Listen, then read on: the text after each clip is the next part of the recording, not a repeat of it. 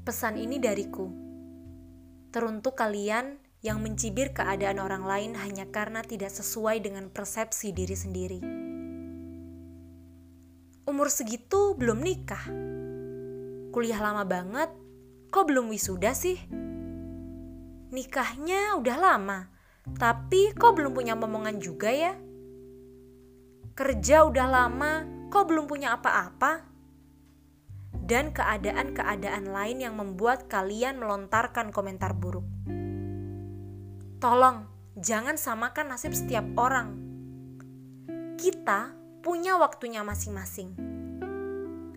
Hidup ini bukan perlombaan balap karung yang mencari siapa yang tercepat meski jalan terseok dan tak jarang terjungkal.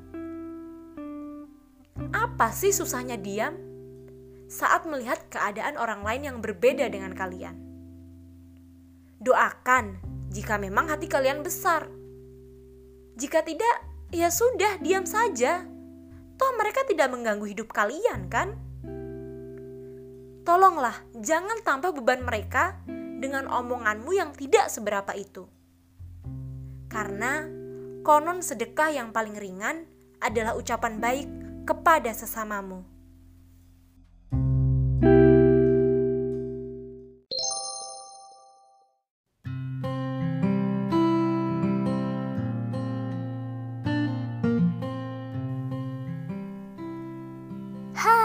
Apa kabar kamu?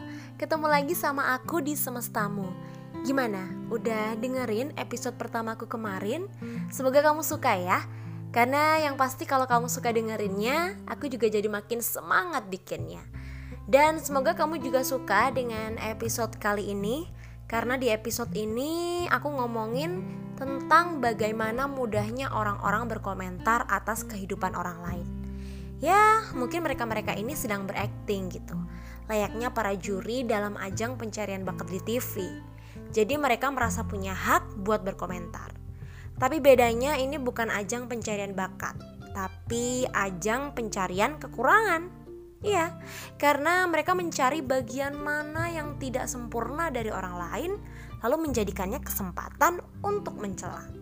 Mereka juga membandingkan apa yang kita alami dengan yang dialami orang lain, lalu berkomentar bak ahli dalam segala peristiwa.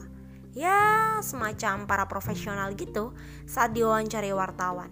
Harusnya begini, harusnya begitu, harusnya sudah sampai sini, harusnya sudah sampai situ. Padahal apa susahnya berempati dengan kondisi orang lain? Daripada berkomentar lalu menyakiti, hidup ini kan pasti akan jauh lebih indah saat semua saling ramah.